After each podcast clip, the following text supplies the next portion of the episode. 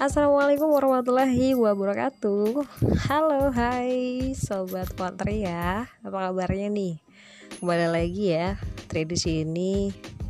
Edisi kali ini untuk men-share informasi yang sangat penting banget apalagi buat para pejuang PP Gears yang sekarang lagi sibuk dengan kerjaannya di luar sana ya ya mungkin yang nggak sempat ngebuka-buka modul atau mungkin buku-buku dan browsing dan segala macam it's okay sini Tria bakalan uh, buatin podcast buat kamu yang nanti bisa kamu dengerin entah di mana aja ya kapan pun dan di mana pun ya Oke, okay, nah di edisi kali ini informasi yang aku mau share itu mengenai uh, model-model pembelajaran abad 21. Nah, apa saja? Yuk simakin. Yang pertama ada discovery learning. Nah, ini yang mana belajar melalui penelusuran, penelitian, penemuan, dan pembuktian. Contohnya nih ya, guru yang menugaskan peserta didik untuk menelusuri faktor penyebab terjadinya banjir Lalu peserta didik secara berkelompok menelusuri informasi dengan mewawancarai penduduk dan diminta membuat kesimpulan lalu dipresentasikan. Model yang selanjutnya yaitu PJBL atau Project Based Learning. Nah, ini proyek yang memiliki target tertentu dalam bentuk produk dan peserta didik merencanakan cara untuk mencapai target yang dipandu oleh pertanyaan menantang. Contohnya nih ya, peserta didik uh, yang di SMK diberikan pertanyaan produk kreatif berbahan lokal. Seperti apakah yang memiliki nilai tambah secara ekonomis?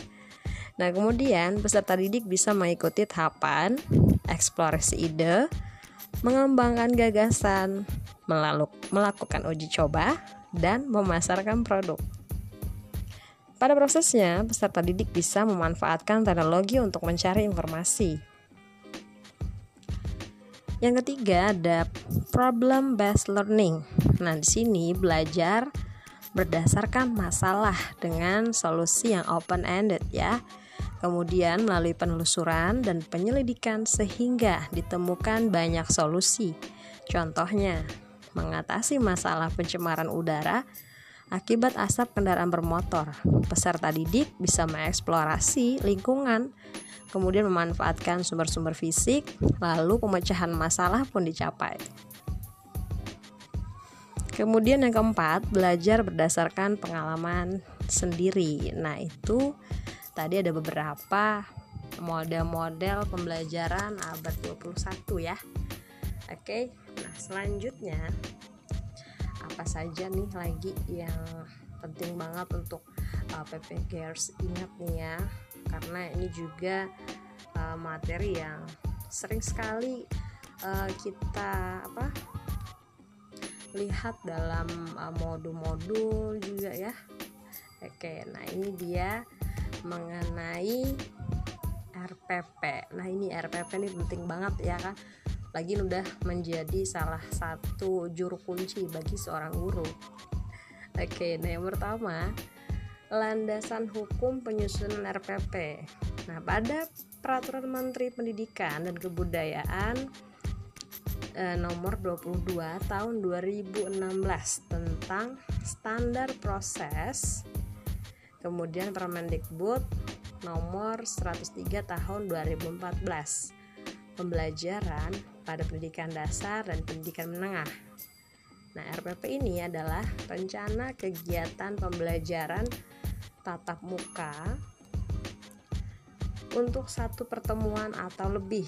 Nah, kemudian RPP dikembangkan dari silabus untuk mengarahkan kegiatan pembelajaran dalam mencapai kompetensi dasar. Selanjutnya ada prinsip penyusunan RPP. Nah, yang pertama, memperhatikan individu peserta didik.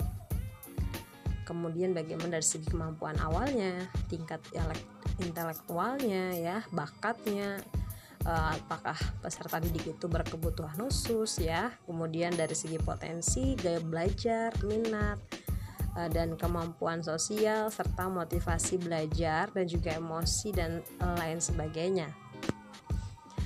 Yang kedua yaitu partisipasi aktif peserta didik. Nah, ini pasti dong ya, sangat penting sekali dalam prinsip penyusunan RPP. Kemudian yang ketiga, berpusat pada peserta didik. Nah, yang mana itu mendorong um, semangat belajar, motivasi, uh, dan juga kreativitas ya, dan juga inovasi uh, serta kemandirian. Kemudian yang keempat, mengembangkan budaya baca dan tulis. Nah, yang kelima, pemberian umpan balik dan tindak lanjut sebagai contoh umpan balik positif, penguatan, pengayaan, dan remedial. Nah, kemudian ada penekanan pada keterkaitan dan keterpaduan antara KD, materi pembelajaran, kegiatan pembelajaran, indikator pencapaian kompetensi, penilaian, dan sumber belajar. Kemudian yang ketujuh, mengakomodasi pembelajaran tematik serta terpadu atau terpadu ya. Nah, di sini keterpaduan lintas mata pelajaran itu penting sekali. Ada juga lintas aspek belajar dan keberagaman budaya. Kemudian yang selanjutnya ada penerapan TIK-nya. Nah, ini cara terintegrasi ya sistematis dan juga efektif. Ada indikator atau IPK yang kita kenal ini sebagai penanda pencapaian KD. Nah, di sini juga IPK itu dikembangkan ya dan juga dipertimbangkan um, dan dari segi uh, tuntutan kompetensinya, kata kerja operasionalnya ya kemudian ada karakteristik mata pelajaran siswa dan juga sekolah selain itu juga mempertimbangkan dari potensi dan kebutuhan siswa masyarakat eh, di lingkungan atau daerah. Lalu rumusan indikator. Nah indikator ini eh, pencapaian kompetensi yang terdapat dalam RPP kemudian juga indikator ini ada di penilaian yang mana untuk menyusun kisi-kisi juga kita harus berdasarkan IPK-nya ya. Dengan memperhatikan IPK uh, eh, sebelum kita juga menulis soalnya. Nah makanya dari fungsi IPK itu sendiri yang pertama itu mengembangkan materi pembelajaran. Kemudian yang kedua mendesain kegiatan pembelajaran baik prosedural atau discovery inquiry. Kemudian juga mengembangkan bahan ajar, merancang dan melaksanakan penilaian hasil belajar, dan juga silabus mata pelajaran. Nah, itu tadi ada beberapa um, informasi yang bisa kamu dengarkan ya, sobat Potria. Semoga bisa menambah ilmu kalian yang mana nanti sebagai bekal untuk uh, diuji pengetahuan nanti. Oke, sampai ketemu lagi. See you next time and bye bye.